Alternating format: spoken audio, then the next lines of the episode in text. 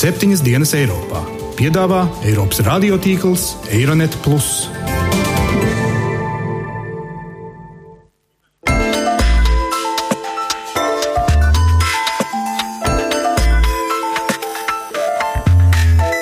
Šonadēļ septiņas dienas Eiropā dzirdēsim.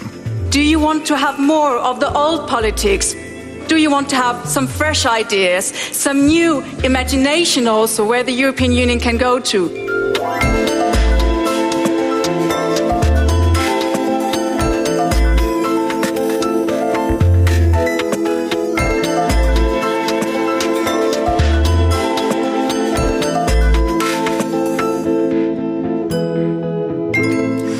Labdien, godējumie klausītāji! Latvijas radio studijā Kārlis Streips raidījumu septiņas dienas Eiropā. Sveicināti jaunas nedēļas sākumā! Vairs tikai 12 dienas nu ir atlikušas līdz Eiropas parlamenta vēlēšanām, un šogad pirmo reizi pa amerikāņu vīzei Eiropas komisijas prezidentu kandidāti ir devušies tūrē par Eiropu, lai nodarbotos ar publiskām debatēm un balsu vervēšanu savām politiskajām partijām. Jūs dzirdējāt vienu no šiem kandidātiem nu pat raidījuma ievadā. Kāpēc tā? Tas ir tāpēc, ka līdz šim Eiropas komisijas vadītājs ir iecelts tirgošanās rezultātā starp 28 valstu vadītājiem, kuri greizsirdīgi ir sargājuši šo tiesību, uzskatot, ka amats ir pārāk svarīgs, lai uzticētu tā ievēlēšanu kaprīzajiem Eiropas vēlētājiem. Bet šogad pirmo reizi Lisabonas līguma labojumi daļēji ir uzticējuši šo uzdevumu Eiropas parlamentam, jo turpmāk valsts vadītāji izvēlei būtu jāatspoguļo parlamentu vēlēšanu iznākums. Tātad partijai, kas 24. māja parlamentu vēlēšanās saņems lielāko balsojumu, balsotāju atbalstu, it kā vajadzētu uzticēt arī izvirzīt komisijas prezidenta kandidātu.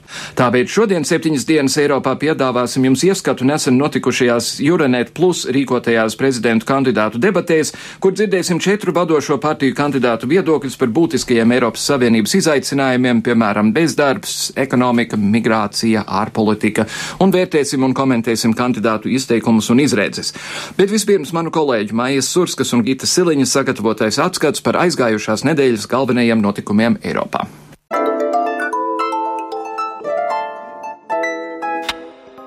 Aizvadītajā nedēļā no jauna visas pasaules uzmanība bija pievērsta Ukrainai.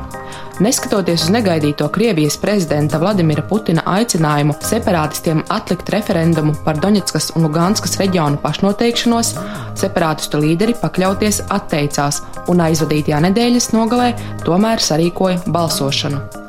Rietumvalstis un Kieva vairāk kārt uzsvēra, ka rezultātus neuzskatīs par likumīgiem, turklāt daudz vieti tika novēroti klaji balsošanas principu pārkāpumi. Kāds žurnālists veica eksperimentu un nobalsoja četros iecirkņos, bet divos iecirkņos Doņetskas apgabalā priekšlaicīga balsošana tika uzsākta jau sestdien, dienu pirms oficiālās balsošanas dienas. Eiropas komisijas priekšsēdētājs Jose Manuels Barozu to raksturoja lakoniski. Unfortunately, Diemžēl dažās Eiropas daļās šodien saprāts neprivalē pāri spēkam, un šis nav draudz tikai Ukrainai, bet gan visai Eiropas Savienībai un mūsu kopējām vērtībām. Separātisti jau paziņojuši par plāniem rīkot arī nākamo referendumu. Pēc viņu teiktā, referendums par šo pašu pasludināto republiku pievienošanos Krievijas federācijai notiks jau šo svētdienu.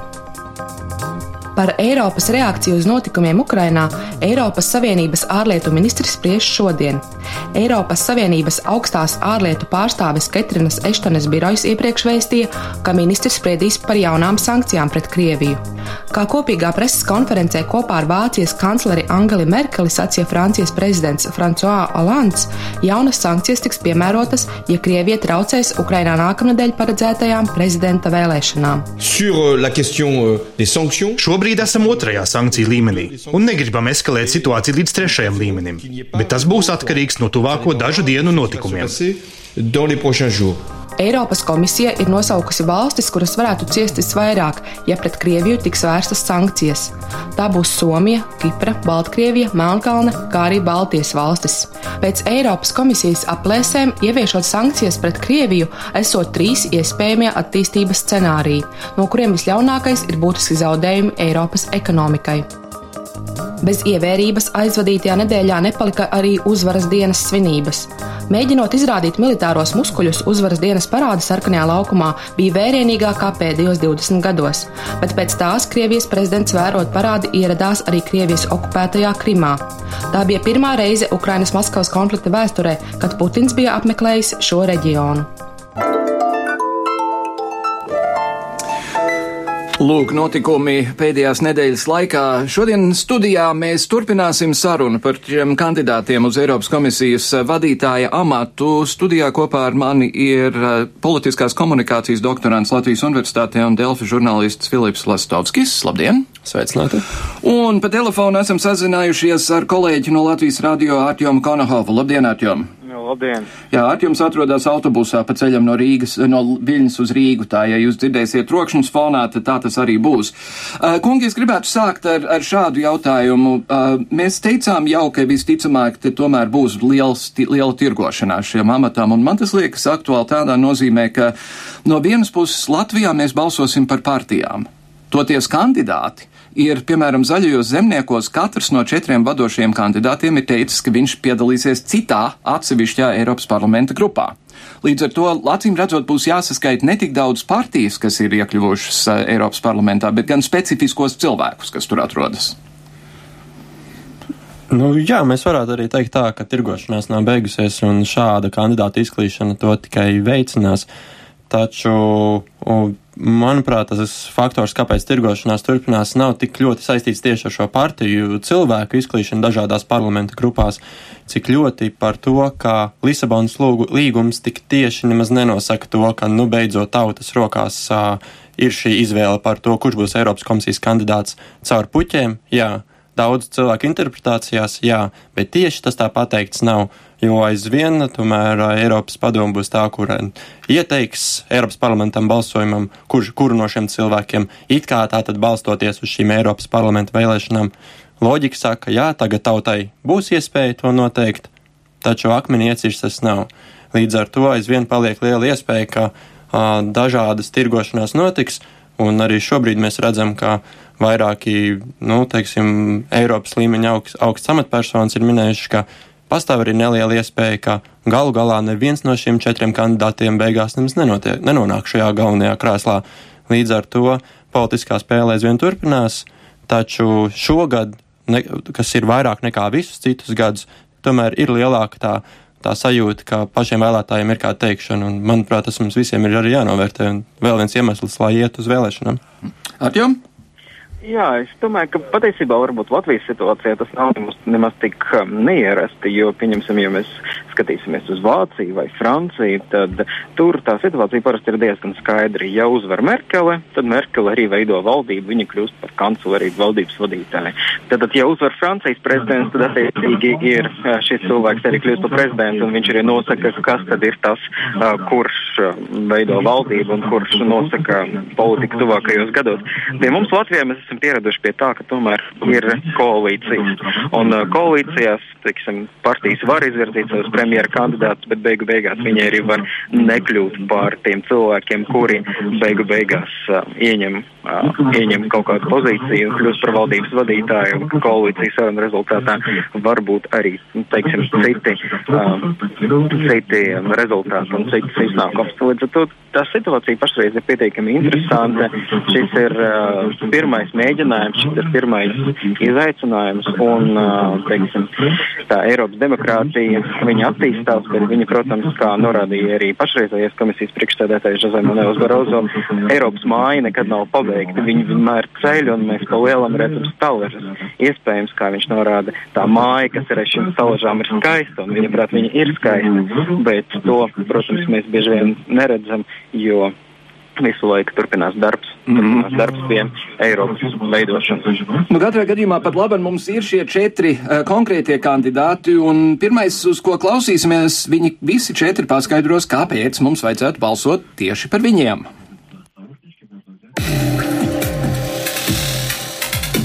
Eiropas parlamenta vēlēšanas ir raksturīgas ar ļoti zemu vēlētāju aktivitāti. Vairāk nekā 30 gadu laikā tā ir tikai samazinājusies, liekot sacīt, ka Eiropas parlamenta vēlēšanās piedalās jau mazāk par katru otro vēlētāju. Viens no šo vēlēšanu galvenajiem mērķiem ir atgūt vēlētāju interesi, galveno uzmanību veltot tieši jauniešiem. To, ka Eiropas Savienībai ir jākļūst spēcīgākai un integrētākai, to priekšvēlēšana debatēs pauda katrs no Eiropas komisijas prezidenta amata kandidātiem. Eiropas Tautas partijas līderis Žants Klots Junkers uzskata, ka Eiropai ir jāiegūst lielāka loma tieši pasaules politikā. Es veidoju kampaņu par Eiropu, kura spēj izdarīt lietas, nevis tikai sapņot. Es kandidēju par Eiropu, kura var darīt darba vietas, nevis iztērēt to naudu, kuras mums nemaz nav. Es kandidēju par Eiropu, kur ir liels spēlētājs svarīgajos jautājumos, piemēram, monetārā savienība, kopēja ārpolitika, un es cīnos par Eiropu, kas ir noraidoša pret jebkāda veida ekstrēmismu un iestājas par savām vērtībām. Eiropas Sociālistu partijas kandidāts Mārtiņš Šulcs šajās vēlēšanās turpina krīzes laikā iesākto retoriku. Skaidrs, ka viens no sāpīgākajiem jautājumiem ir ekonomika. Tāpēc arī vēlētāju intereses atgūšanai netiek ignorēti ļauno banku un spekulantu sodīšanas argumenti, turpina Mārtiņš Šulcs. Spekulanti pelna miljardus un nemaksā par to nodokļus. Un, kad viņi rada miljardos lēšamus zaudējumus, tad nodokļu maksātājiem viņi ir jāglābj. Tā ir viena no visu laiku lielākajām krīzēm Eiropas Savienībā ar vislielāko izmaksu cirpšanu, un es vēlos mainīt esošo kārtību. Jaunajai paudzei nav jāmaksā ar savas dzīves iespējām par citu kļūdām. Liberāļu pieeja šīm vēlēšanām ir skaidri saprotama jāspēj radīt noteikumus, lai pēc iespējas lielāks skaits vēlētāju varētu nopelnīt. Kamēr sociālisti aicina sodīt naudas maisus, liberāļu un demokrātu savienības kandidāts Gijs Ferhofštats uzsver nepieciešamību radīt darba vietas. Es vēlos sakārtot ekonomiku un radīt darba vietas. Tā ir vienīgā prioritāte nākamajiem pieciem gadiem - darbs, darbs, darbs. Bet šim mērķim ir nepieciešama citāda Eiropa. Esošā ir slikti vadījusi krīzes pārvarēšanas pasākums.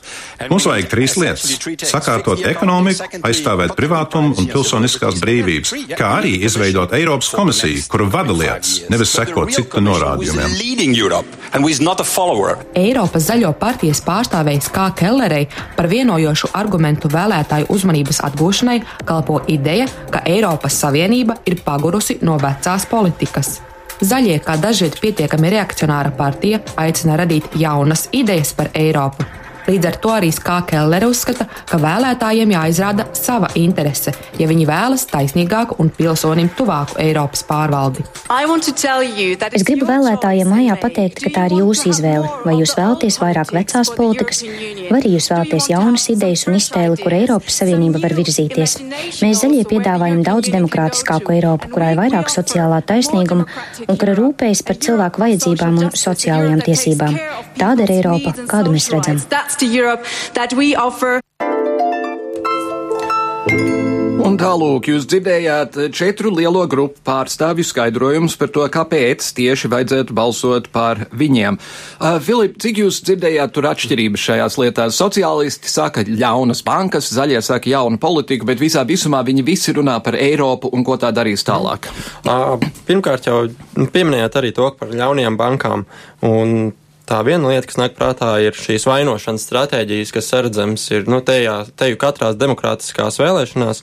Un šeit eh, var pateikt, piemēram, ka Junkers kopā ar kopā ar Kelleri no zaļajiem, abi divi kā ļauno, pret ko būtu jācīnās nostāda veco Eiropu. Tātad viņi nāks un viņi aizvietos veco Eiropu. Tātad viņi ir atraduši šo grēkāzi. Savukārt Šulcam un Verhofstadtam mazliet atšķirās šis te viņai, šis nostādījums, pret ko tad būtu jācīnās. Viņi mums parāda, ka balsojiet par mums, jo mēs apkarosim spekulantus un um, ļaunos uh, naudas maisus, kuri būtu jāiznīcina. Tātad uh, cilvēkam teorētiski tiek dot iespēja, kas viņam vairāk nepatīk. Vai nu tu gribi mainīt Eiropu, balso par šiem diviem, ja tev sagādā kādas bažas un raizes uh, banku, kādi, kādas spekulācijas, tad balso par mums. Um, tas nāk pirmais, kad ir šie nodalījumi ļaunais, ļaunais un um, kopumā tās starpības uh, jau nav lielas. Uh, tā ir viena no tām lietām, kas visvairāk arī, nu, viena no lietām, kas visvairāk atšķir šīs Eiropas debatas no ASV debatēm. ASV debatēs, prezidenta debatēs mēs esam pieraduši daudzus gados dzirdēt konkrētus rīcību politiku atšķirību piedāvājumus. Ka viens kandidāts Obama nāk, viņš, piemēram, skaidro detaļās, kā viņš tagad savu veselības aprūpas sistēmu mainīs. Tas ir detaļas, specifisks nianses. Šeit mums ir šādas frāzes kā vairāk Eiropa, mazāk Eiropa, uh, spekulanti un naudas maisi, kas ir diezgan retoriskas un plašas, uh, kas līdz ar to mm, samazina šīs atšķirības starp visiem kandidātiem. Mm -hmm. Arģim, skatoties uz to, kādi ir līdzīgi šie, šie kandidāti, kur paliek šajā visā diskusijā tas, ka ir paredzams, ka šajās vēlēšanās diezgan lielu vietu Eiropā saņems tā dēvētie radikālie spēki, kuri negrib vispār nekādu Eiropu un tā tālāk.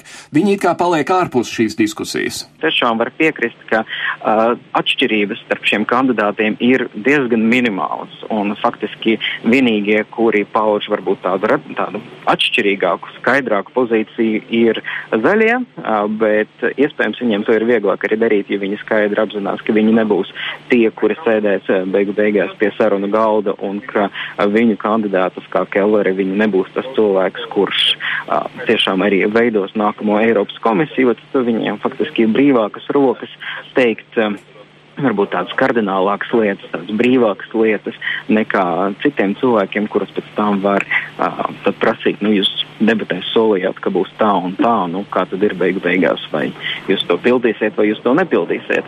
Uh, līdz ar to iespējams tas arī ir vēl viens no iemesliem, kāpēc šie deputāti negrib, šie, šie kandidāti, viņi negrib tā ļoti aktīvi dot kaut kādus solījumus un teikt ļoti skaidras lietas un atšķirības starp viņiem ir minimālas. Faktiski viena no interesantākajām lietām, vērojot šīs debatas, bija, ka sociālistu līderis Mārtiņš Šulcs. Viņš vairāk kārt ir teicis, ka viņš piekrīt uh, zaļo kandidātei kā Kellerē. Viņš teica, jā, jā, jā, es tieši tā arī domāju, jā, jūs ļoti precīzi to pateicāt, jā, jā, es, es, es pilnīgi tam visam piekrītu.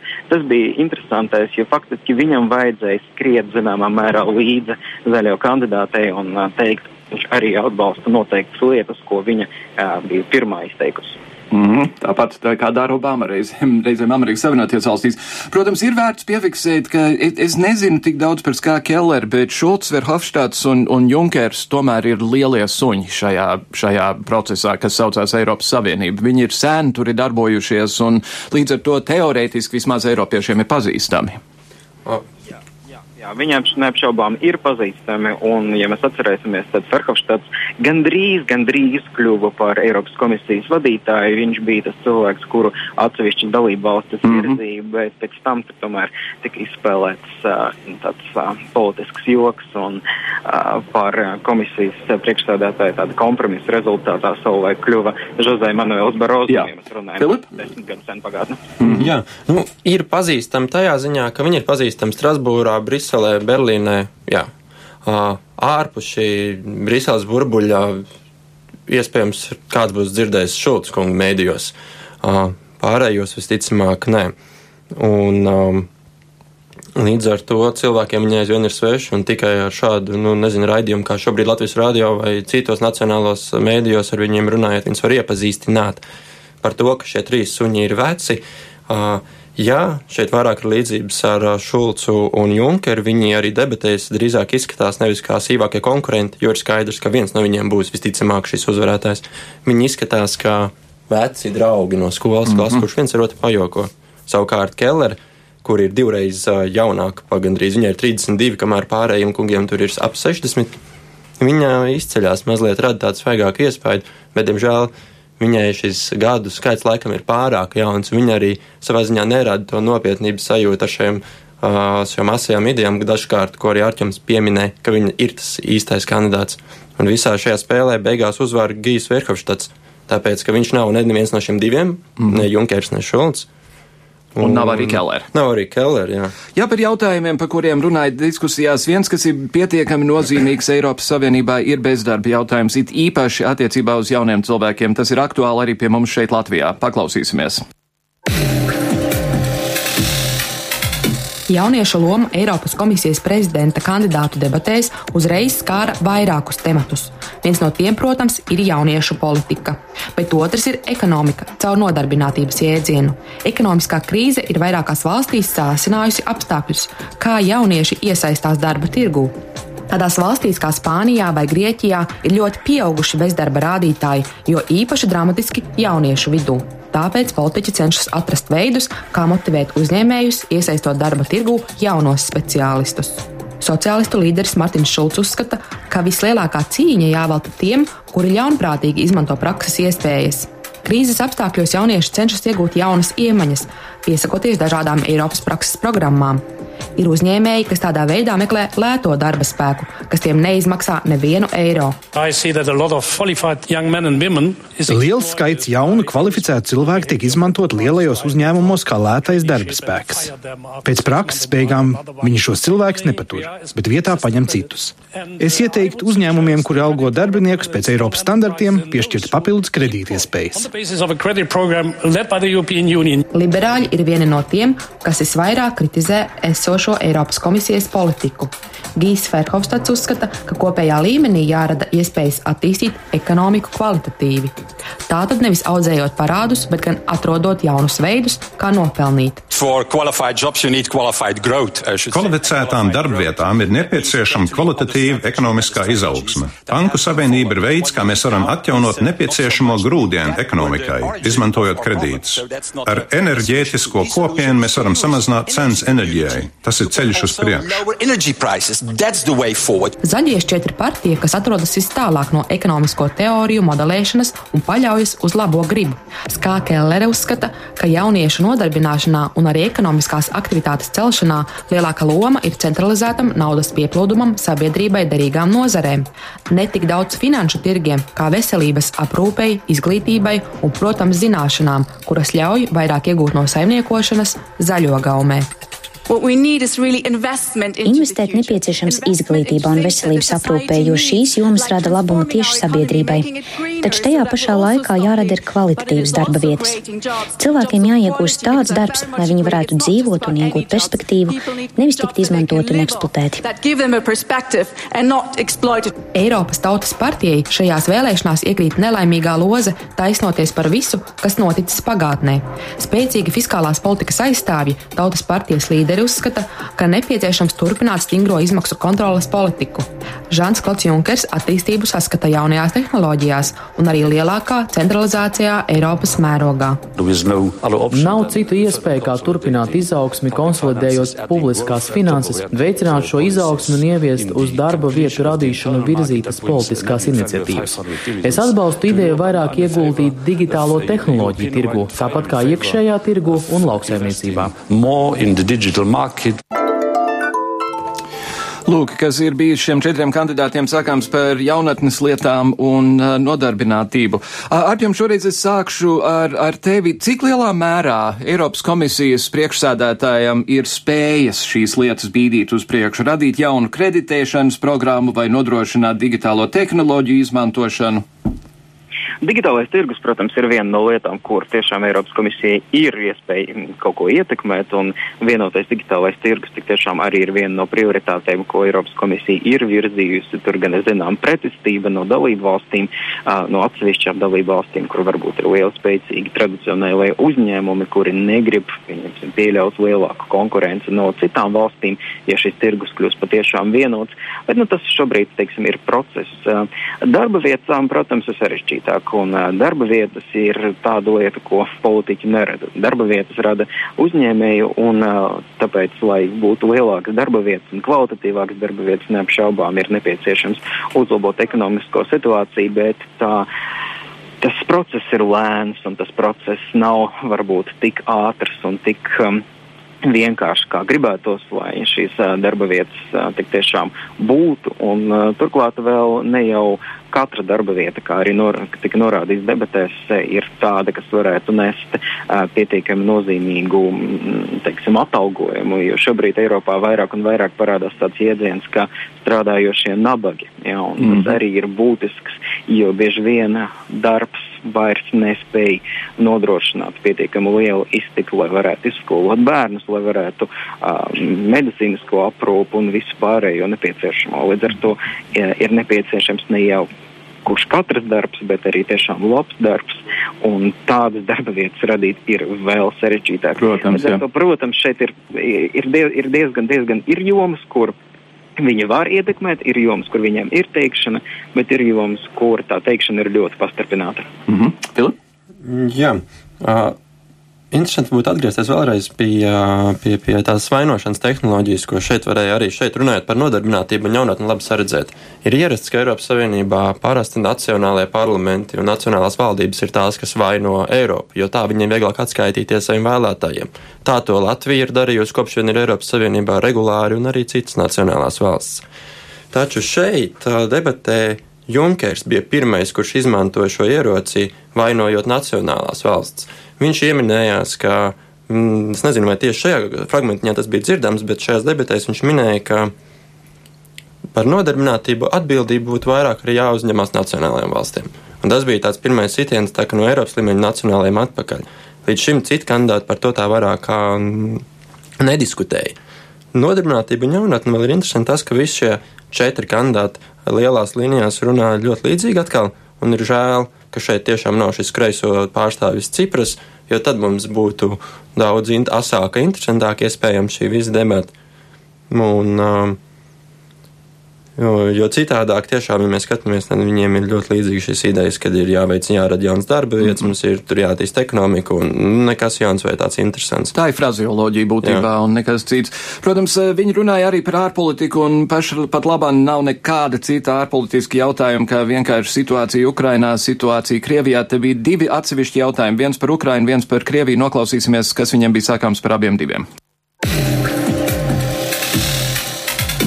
Ārpolitikā Eiropas Savienībai šogad lielākais izaicinājums ir Ukrainas konflikts. Vai sankcijas ir pietiekamas un vai tās nav ieviestas pārāk gausi? Tāpat aktuāls jautājums ārpolitikā ir par Eiropas spēku. Vai tas ir gana liels, ja kaimiņos ir Krievijas federācija? Žants Klods Junkers pragmatiski uzskata, ka Ukrainas krīze jārisina pēc Eiropas vērtību mērauklām. Skaidrs, ka Krievijas darbības ir nepieņemamas, bet vai tāpēc Eiropas valstīm būtu jādodas karā? Eiropas Savienība skaidri norādīja, ka Krievijas darbības nav pieņemamas. Mēs ieviesām sankcijas tāpēc, ka nevēlamies karot. Tie, kuri kritizē Eiropu par lēnu un nepilnīgu palīdzību Ukrainai, vēlas karu. Mums ir jāiestājās par Eiropas vērtībām ne tikai bloka iekšienē, bet arī tuvajās ārzemēs. Sociālisti šajā jautājumā parādījuši ievērojumu ekonomisko pragmatismu. Martins Šulcs norāda, ka Eiropai tomēr vajadzēja samaksāt par mieru Ukrainā, jo pieprasītie 15 miljardi eiro tagad jāiegulda sašķeltā valstī. Tikpat labi to varēja izdarīt vēl Viktorija Janukoviča pārvaldes laikā. Tāpat arī Šulcs neredz veidu, kā tuvākā nākotnē Ukraina varētu izpildīt Eiropas Savienības integrācijas prasības. Vai es redzu, ka Ukraina varētu pievienoties Eiropas Savienībai tuvāko piecu gadu laikā? Atbilde ir nē. Tas, ko Eiropa neizdarīja pareizi pagātnē, mēs neizrādījām ekonomisko atbalstu Ukrainai, un mēs nenodrošinājām Ukrainu ar nepieciešamo naudu. Gijs Verhofstads gan ir pārmaiņu piekritējs. Viņa prāt lielākā virzība Ukrainā sākās pēc tam, kad Eiropas Savienība izteica savu atbalstu ar sankcijām. Viņš pārmet, ka sankcijas tika ieviestas pārāk gausi, taču skaidrs, ka tās ir jāpalielina tieši Putina pietuvinātajiem cilvēkiem, lai pārmaiņas Krievijā notiktu valsts iekšējās opozīcijas ietekmē. Mēs Ukrainā panācām pārmaiņas. Jau februārī mūsu atbalsts Maidanam pavērsa Ukrainas parlamentu pret Krieviju. Brīdī, kad ES izlēma par sankcijām, Ukrainas kustība kļuva spēcīgāka.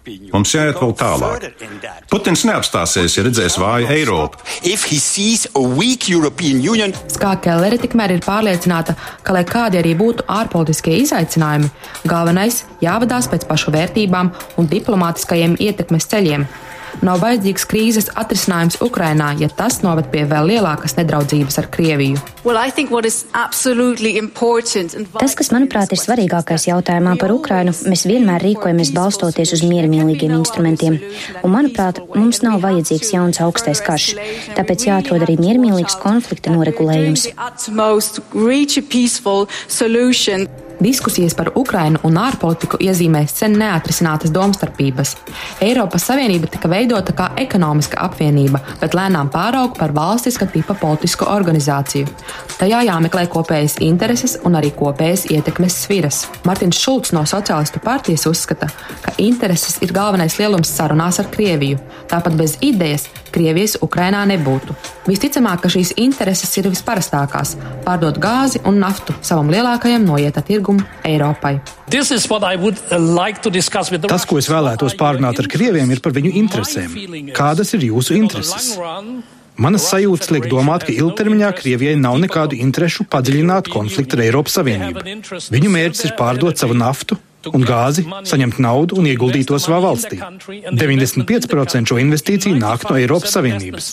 Tāpēc bez sankcijām es sāktu runāt arī par interesēm. Gijs Ferhofstads tikmēr ir lielāks integrācijas optimists. Viņa prāt, Eiropai jāmeklē ietekmes sviras pasaules mērogā. Vecais kontinents ir liels tirgus, vieta inovācijām un piemērs demokrātiskai līdzās pastāvēšanai.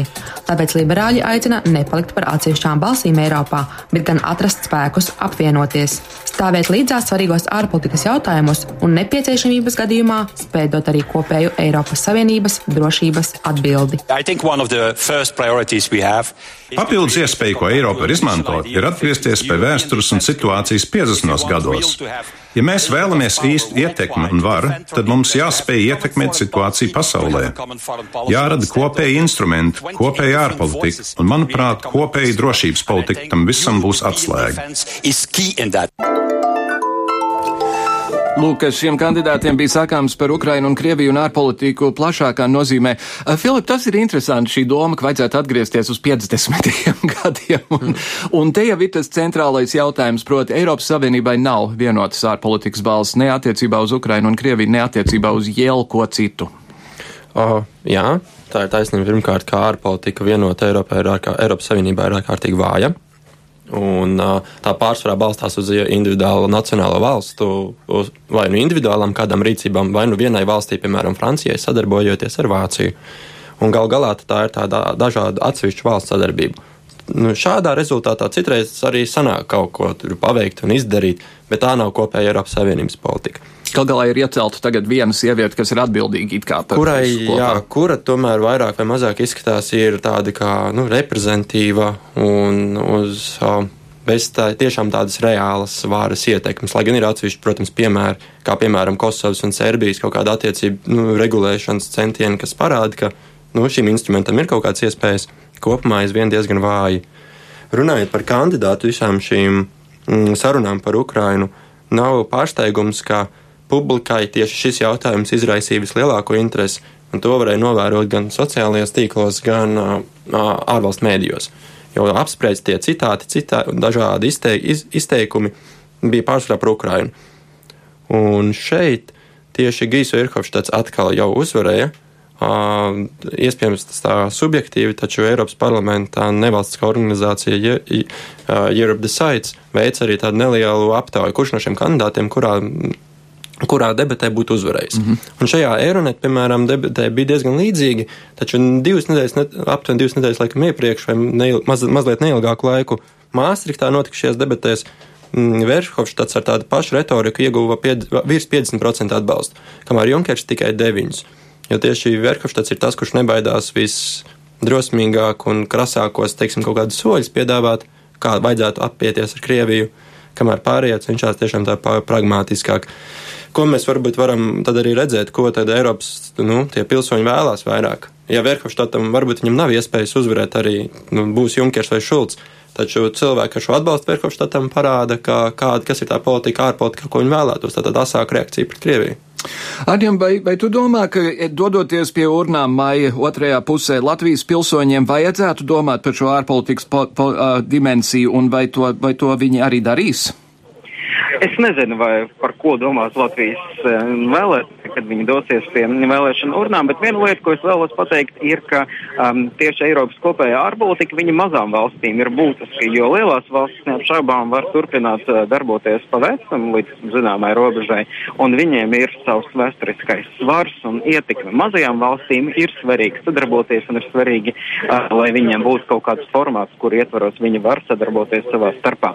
Kāpēc Eiropas Savienības kopējā ārpolitika joprojām ir tik vāja? Tieši tāpēc, ka lielās valstis ir zināmā mērā greizsirdīgas un viņas negrib atdot savas ietekmes uh, sviras, uh, savu lomu uh, kaut kādam citam. Jā, viņi saka, joprojām Francija vēlas būt uh, ar savu ārpolitiku, Vācija vēlas būt ar savu ārpolitiku, un ja ir spēcīgs cilvēks, kurš pārstāv visas šīs valstis, tad neapšaubām ja, na nacionālo valstu ārlietu ministru loma mazinās, un to parasti viņi nevēlas pieļaut. Līdz ar to šajā kopējā ārpolitikas postenī, augstā, augstā pārstāvja postenī, tiek diezgan apzināti ielikt cilvēks, kurš vairāk ir kompromisu meklētājs, bet cilvēks, kurš nav, um, nav varbūt tāda ļoti spilgta zvaigzne. Un, uh, tas arī parādījās aizvadītajos gados, ko mēs Jā. redzējām ar Eštons kundzi. Mēs paskatīsimies, kas būs uh, nākamais cilvēks, pieņemsim, uh, pieņemsim Žanklaus Junkers, kad viņš bija Rīgā, viņš norādīja, ka viņš uh, savā komisijā, ja viņam būs iespēja tādu veidot, viņš vēlētos uh, arpa, um, kop,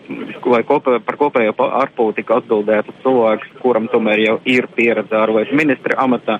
Un šobrīd ir vairāk teiksim, pieredzējuši ārlietu ministri, kuri vēlētos būt ja, teiksim, tā, pārcelties uz mm -hmm. citu līmeni. Līdz ar to pamazām, pamazām šis amats kļūst pievilcīgāks. Jā. Savukārt pēdējos piecus gadus, protams, Eiropas komisija un visa Eiropas Savienība ir pavadījusi zem finanšu krīzes zīmes, un par to tika runāts arī eh, šajās debatēs. Eiro krīze un taupības pasākumi ir ļoti pretrunīgs jautājums. Kamēr Žants Klods Junkers aizstāv taupības pasākumu nepieciešamību, sociālisti ar liberāļiem pārmet nespēju piedāvāt efektīvas izaugsmas iespējas mazajiem un vidējiem uzņēmējiem. Junkers uzskata, ka ekonomiskajai sistēmai jāspēj radīt priekšnoteikumus, lai cilvēki individuāli varētu piepildīt savas finansiālās prasības, un šajā scenārijā Komercbankām jāspēj piedāvāt finansiālās iespējas. Mums nav eiro krīze, mums ir parādu krīze. Turklāt tikai dažās no dalību valstīm. Šīs valstis veiksmīgi izpilda programmu kritērijus, un mums būtu jāvēlta arī labi vārdi un jāuzteic šīs valstis par paveikto darbu. Otra lieta ir tā, ka bankām ir jāstrādā visas ekonomikas izaugsmē. Sociālistu līderis Martins Šulcs šajā jautājumā gan turpina iestaigāto taciņu. Atbildība jāprasa no bankām un efektīvas darbības mēraukla jāmeklē vēlētājos. Ja iedzīvotāji sajutīs, ka nogrēkojušos spekulantus kā pienākas uzmana, tad arī tiks ieviesta kārtība un panākts politiskais izlīgums. Es gribu, lai par parādu krīzi atbild tie, kas to izraisīja. Tās ir bankas un spekulatīvais tirgus. Lai atjaunot sabiedrības uzticību, mums vajag tirgu, kas atrodas stingrā demokrātijas uzraudzībā un kontrolē.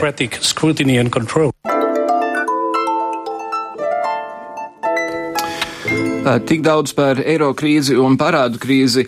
Filip, te man ir interesanti atbild tie, kas to izraisīja, tās ir bankas un spekulatīvais tirgus. Nevis politiķi ar gāzi grīdā politiku, ar melošanu savos grāmatvedības dokumentos, kā tas ir bijis Grieķijā un tā tālāk. Bankas, bankas, bankas. Jā, nu, protams, atkal populisms savā ziņā.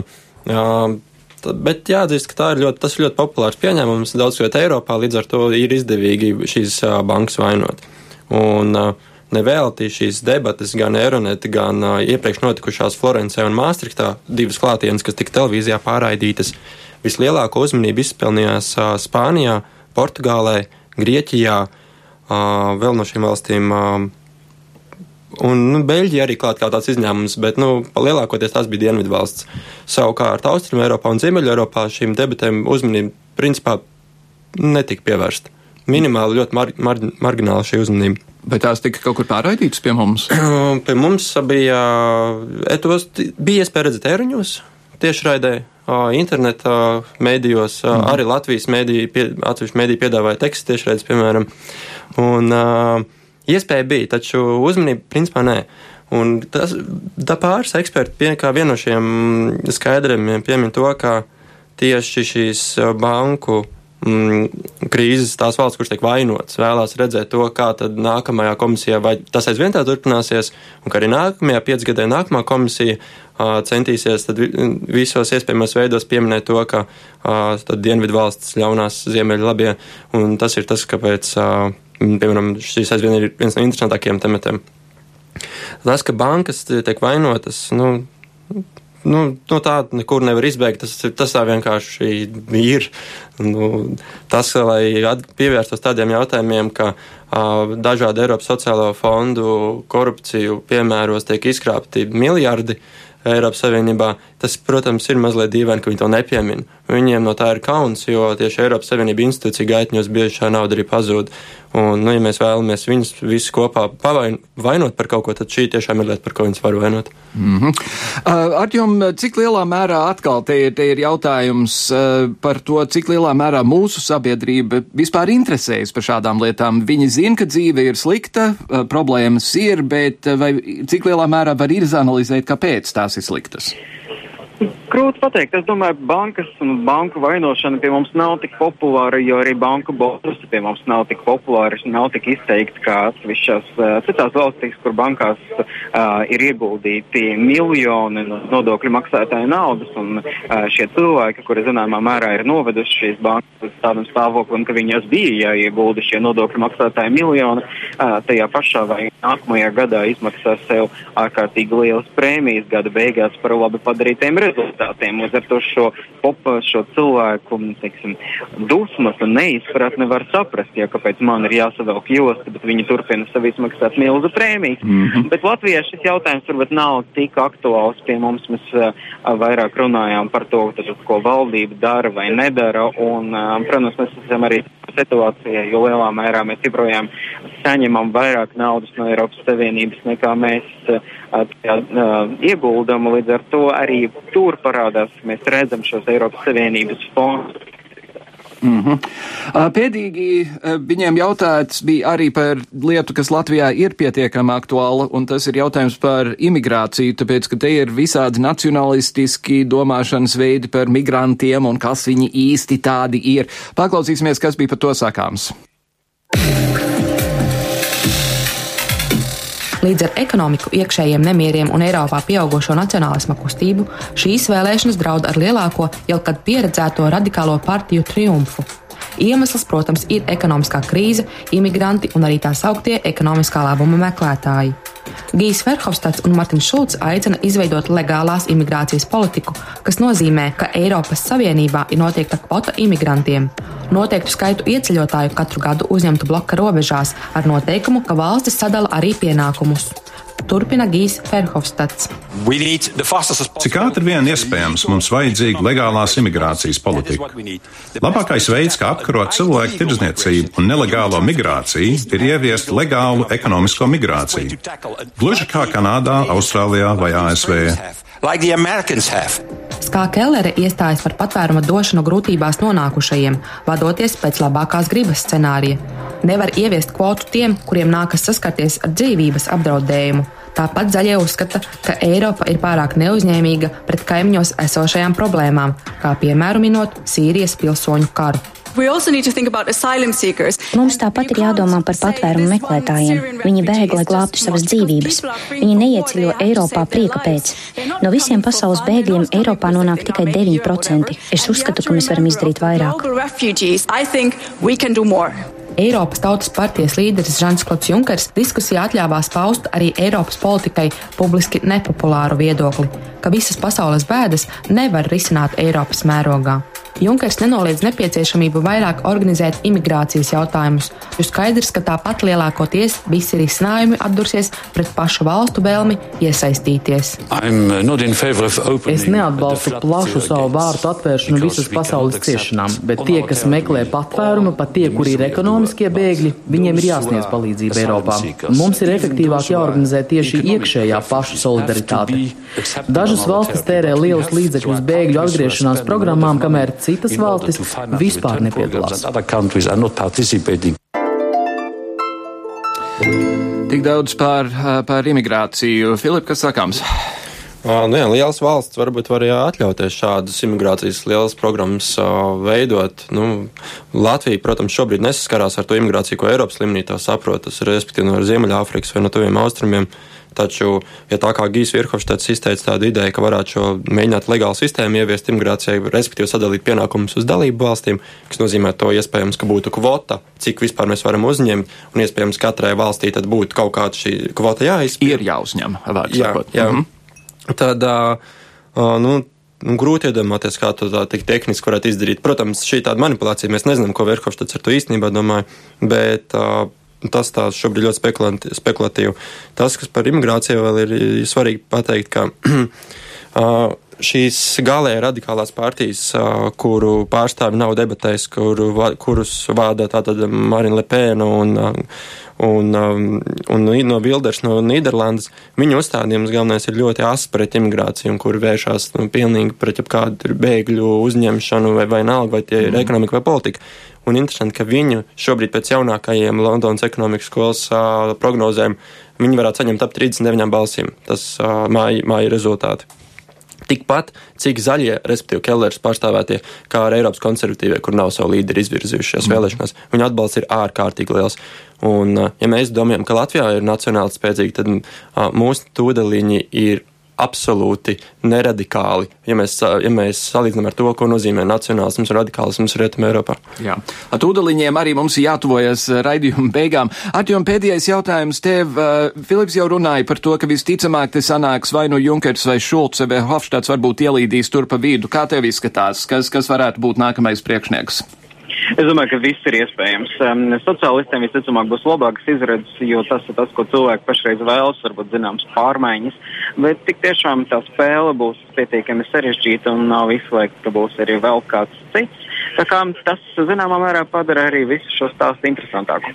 Mm. Varbūt var aiztirgoties pat tik tālu, ka mūsu pašu Dombrovskim ir izredzes.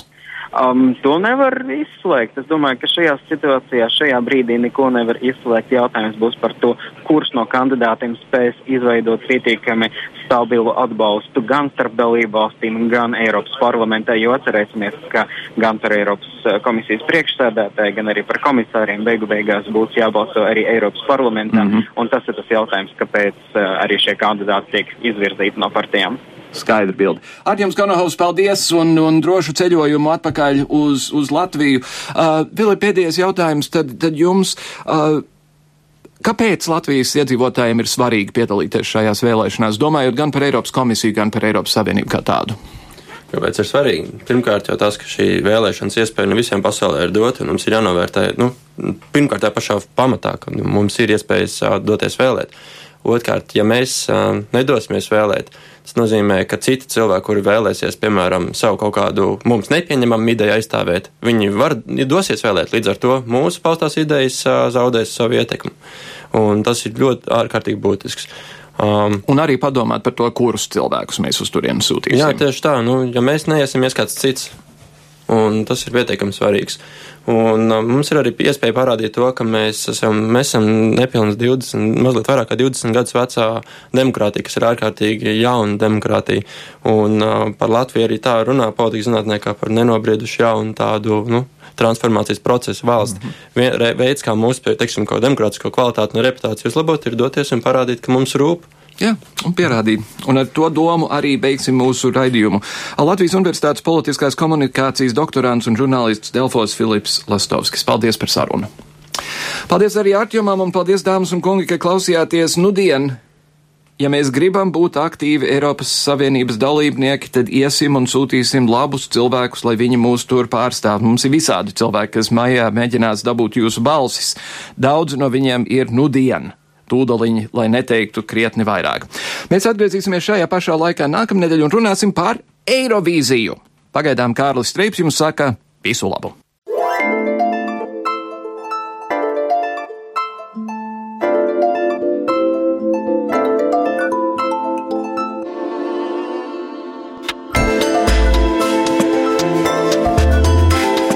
Raidījumu veido Kārlis Streips, Gita Siliņa un Jānis Krops. Producents Lukas Rozītis.